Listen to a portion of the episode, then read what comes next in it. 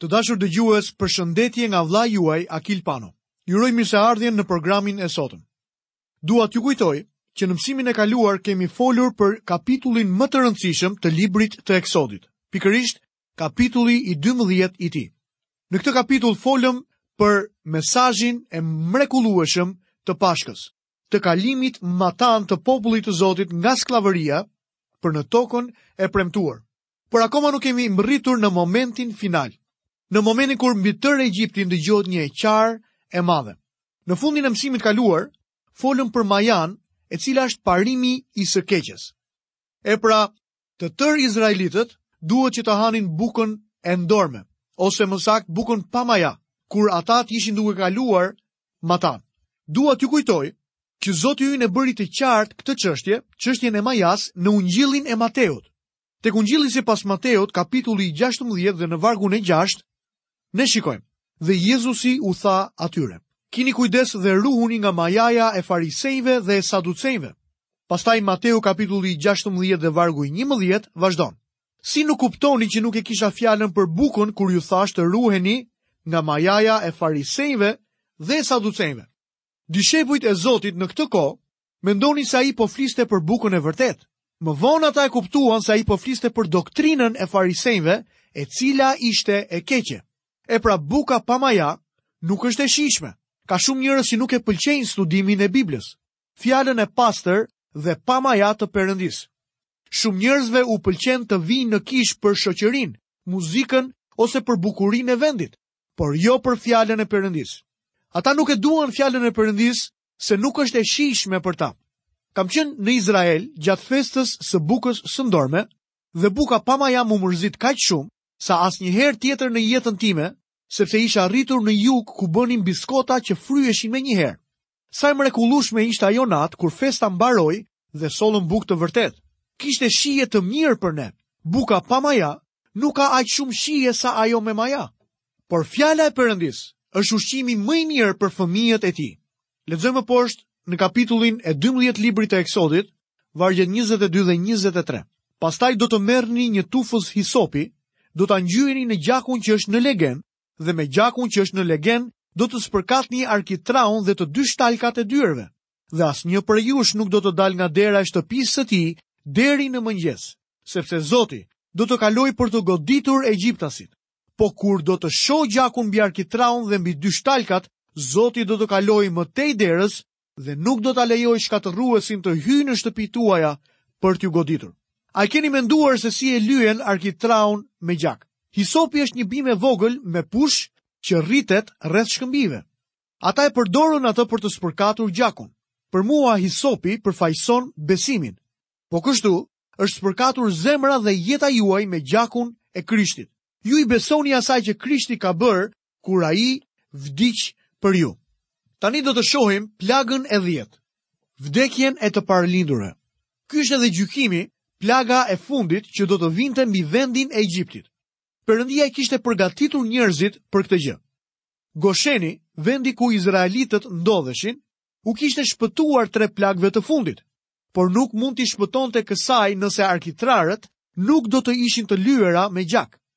Çdo egjiptas mund të ndiqte shembullin e izraelitëve të lyente arkitrarët me gjak dhe të besonte tek Perëndia. Dhe kështu engjëlli i vdekjes nuk do ta prekte të paralindurin në shtëpitë e tyre. Një ditë shumë njerëz do të habiten kur të zbulojnë se Zoti Jezus nuk do t'i pyesë se cilës kishe i përkasin. Nëse i ke besuar Krishtit si shpëtimtarin tënd, fryma e shenjtë e Perëndisë ju ka pagëzuar në trupin e besimtarëve. duke ju bërë në këtë mënyrë anëtarë të kishës së vërtetë. Lexojmë vargjet 29 dhe 30. Prandaj ndodhi që në mesnatë, Zoti goditi tërë të paralindurit në vendin e Egjiptit, që nga i paralinduri i faraonit që rrinte mbi fronin e tij, deri tek i paralinduri i të burgosurit që ishte në burg, si dhe çdo pjellë e parë e bagëtive. Kështu faraoni u ngrit natën, ai me gjithë shërbëtorët e tij dhe gjithë egjiptasit dhe u dëgjua një klithmë e madhe në Egjipt, sepse nuk kishte shtëpi ku të mos kishte një të vdekur. Gjykimi i fundit kërkonte jetën e të parëlindurve të çdo shtëpie. Deri tani Perëndia nuk e kishte prekur jetën njerëzore. Tani ai e bën këtë, por nuk thuhet se Perëndia është vrasës. Zoti jep edhe Zoti merr, i bekuar qoftë emri i Zotit. Ai që e krijon jetën, ka dhe autoritetin për ta marrë. Le të shohim më poshtë se si izraelitët dëbohen nga Egjipti. Atë natë faraoni u ngrit. Lexojmë vargun 31 dhe 32 të kapitullit të 12 të librit të Eksodit. Atëherë ai thirri Moisiun dhe Aronin natën dhe u tha: Çohuni dhe largohuni nga mesi i popullit tim, ju dhe bijtë e Izraelit. dhe shkoni t'i shërbeni Zotit, siç e keni thënë, merrni me vete kopetë e bagëtive të imta dhe të trasha siç keni thënë dhe shkoni dhe më bekoni edhe mua. Së fundi faraonit iu desh të dorëzohej. Deri tani, ai nuk ishte i gatshëm të pranonte kërkesat e Moisiut, por kjo plagë e arriti dhe e preku birin e tij. Perëndia nuk filloi duke prekur jetët e të parëlindurve. Ai e filloi luftën me faraonin duke e kthyer shkopin e Aronit në një krokodil. Nëse faraoni do ta kishte besuar Perëndinë, fëmijët e Izraelit do të ishin larguar nga vendi dhe kështu ai do ta kishte shpëtuar popullin e tij nga gjykimi. Prandaj Perëndia nuk është fajtor. Le të shohim vargun e 33. Dhe egjiptasit e nxisnin popullin për të shpejtuar nisjen nga vendi sepse thonin, do të vdesim të gjithë. Egjiptianët nuk e dinin se ku do të përfundonte gjykimi i Perëndisë së Izraelit. Perëndia kishte marrë të parëlindurit e tyre. Çfarë do të bënte pas kësaj? Ndoshta do të bënte që të gjithë egjiptianët të vdisnin, kështu faraoni dhe populli i tij, u thanë izraelitëve të largoheshin nga vendi, sepse kishin frikë për jetët e tyre. Lexojmë vargun 34 dhe 35. Populli mori me vete brumin e bukës para se ai të vinte. I mbështolli magjet e tij me rroba dhe i vuri mbi kurriz. Dhe bijtë e Izraelit bënë ashtu siç i kishte thënë Moisiu dhe u kërkuan egjiptasve sende argjendi, sende ari dhe rroba. Fjala marr hua në hebraisht është shaal, që do të thotë kërkoj. Perëndia u dha hir atyre në sytë e egjiptianëve, kështu që kur kërkuan, egjiptianët u dhanë, jo u dhanë hua. Çfarëdo gjëje që ata dëshironin, egjiptianët ua dhanë. Kjo ishte mënyra e Perëndisë për të mbledhur pagat për vitet e punës si skllevër në Egjipt. Egjiptianët u detyroheshin aq shumë izraelitëve, saqë bijtë e Izraelit i rrënuan. Do të thotë se Izraeli u largua me shumë pasuri nga Egjipti. Lexojmë vargun e 37. Bijtë e Izraelit u nisën nga Ramsesi për në Sukoth, ishin rreth 600.000 njerëz më këmbë, pa llogaritur fëmijët. Duket se nga vendi i Egjiptit dolën më shumë se 1 milion njerëz, ndoshta 2 milion. ishin 600.000 burra në këmbë, përveç gjithë grave dhe fëmijëve. Ka një tjetër fakt interesant për t'u theksuar. Lexojmë vargun e 38. Dhe me ta iku gjithashtu një përzjerje e madhe njerëzish, bashkë me kopetë e tyre të bagëtive të imta dhe të trasha, një numër i madh kafshësh. Përveç izraelitëve që lanë Egjiptin, bashkë me ta u largua dhe një përzierje e madhe njerëzish. Ata do të jenë shkak për shumë probleme më pas në kampin e Izraelit. Në librin e numrave do të shikojmë dhe do të mësojmë më shumë për ta. Kjo përzierje e madhe janë ngatërrestarë. Në fakt, ata janë nga një racë e përzier, një egjiptian i martuar me një vajzë hebreje ose një hebrej i martuar me një vajzë egjiptase. Të lindurit prej një bashkimi të tillë duhet të merrnin një vendim. A duhet të largoheshin nga Egjipti me izraelitët apo të qëndronin me egjiptianët. Shumë nga përzierja e madhe u larguan nga vendi dhe shumë të tjerë qëndruan. Ata që u larguan shpesh mendonin se mos kishin bërë ndonjë gabim dhe kur ishin në probleme dhe vështirësi, ishin ata të parët që ankoheshin. Ata nuk ishin izraelitë në kuptimin e vërtetë të fjalës. Një nga problemet më të mëdha në Izrael është përzierja e madhe e popullsisë, ata që kanë një prind johebre. A janë ata izraelitë? Po kështu ekziston një problem në kishë me ata që bashkohen në takime, por nuk janë të shpëtuar. Kam qenë pastor për një kohë të gjatë dhe asnjëherë nuk kam besuar se një ngatërrestar në një kishë është me të vërtetë një fëmijë i Perëndisë. Por le të kuptojmë se çfarë duam të themi me fjalën ngatërrestar. Do ta trajtojmë atë tek libri i numrave në kapitullin e njëmbëdhjetë. Tani le të vazhdojmë të lexojmë vargjet 39 dhe deri në vargun e 42. Dhe ata e poqën brumin që kishin sjellë nga Egjipti duke bërë kuleçë të ndormë. Në fakt brumi nuk kishte maja, sepse ata u dëbuan nga Egjipti dhe nuk mundën të mënojnë, as të përgatisnin rezerva për ushqimin. Koha që bijtë e Izraelit kaluan në Egjipt qe 430 vjet. në fund të 430 viteve, pikërisht atë ditë, ndodhi që të gjitha radhët e Zotit dolën nga vendi i Egjiptit. Kjo është një natë për t'u kremtuar për nder të Zotit, sepse ai i nxori nga vendi i Egjiptit. Kjo natë do të jetë një kremtim solemn ndaj Zotit për të gjithë bijtë e Izraelit, brez pas brezi. Festimi i Pashkës i ka fillimet tek dalja e Izraelit nga Egjipti.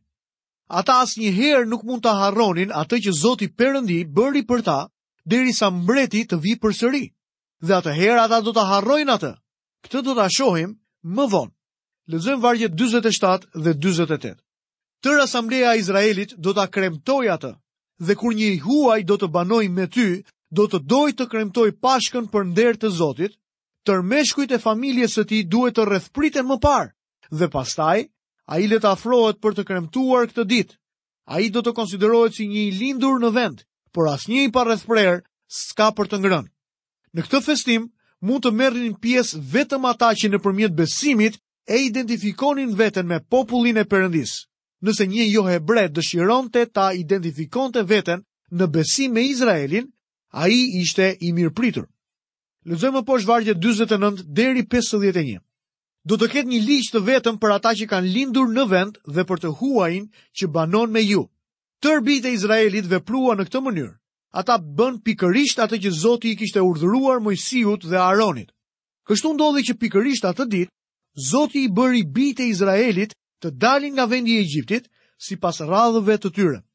Ndërsa i ndjekim bijtë e Izraelit tek largohen nga Egjipti, në detin e kuq dhe në shkretëtirë, do të marrim mësime që do të kenë lidhje me përvojat në jetën e sotme të krishterë. Le të shohim të paralindurit e Izraelit i shenjtërohen Perëndisë.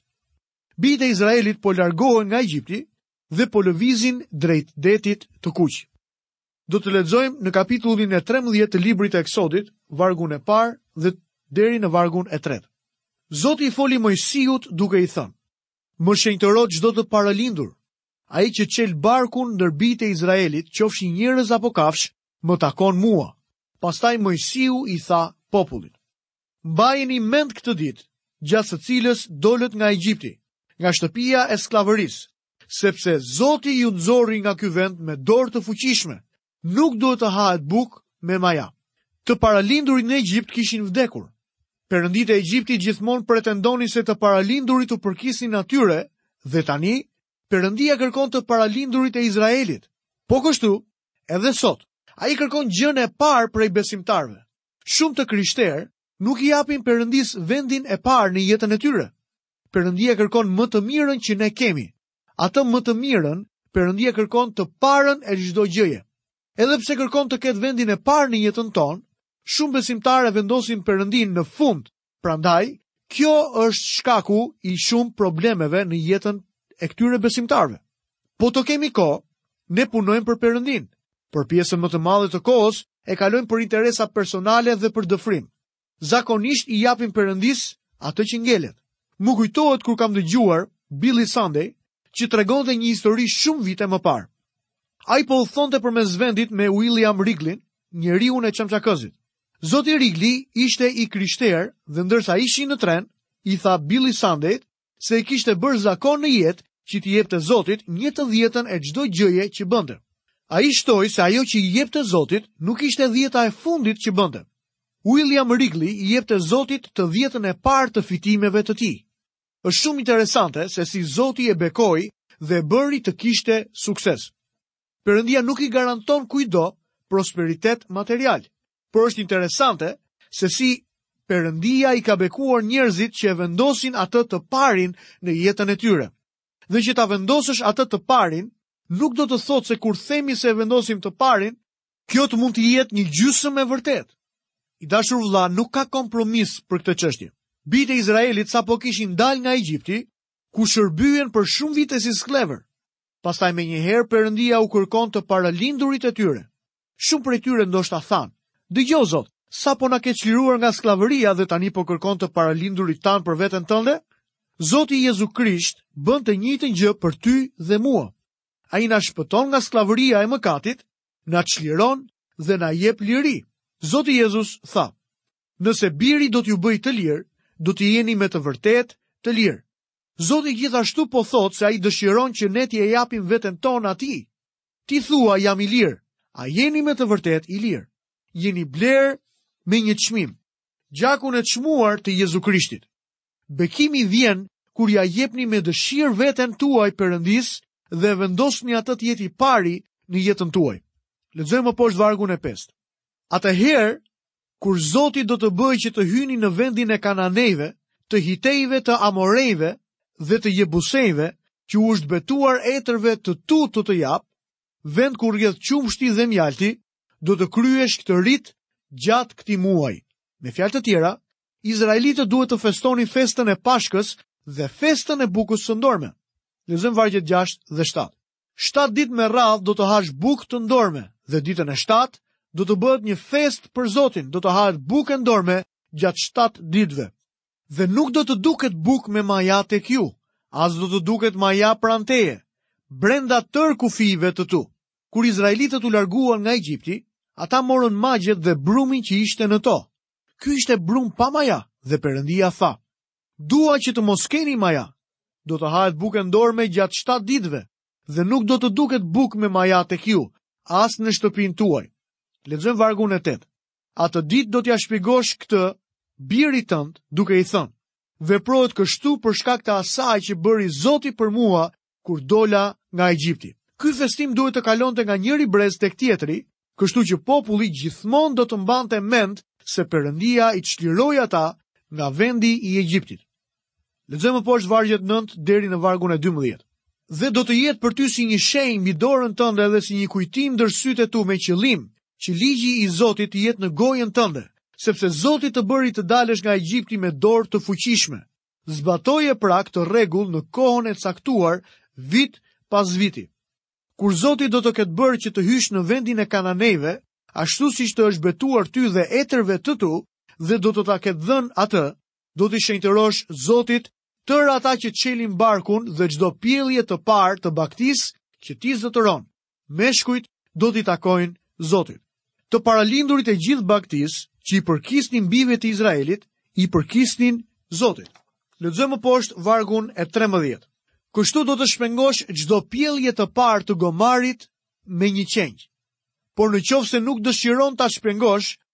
atëherë thyeja qafën.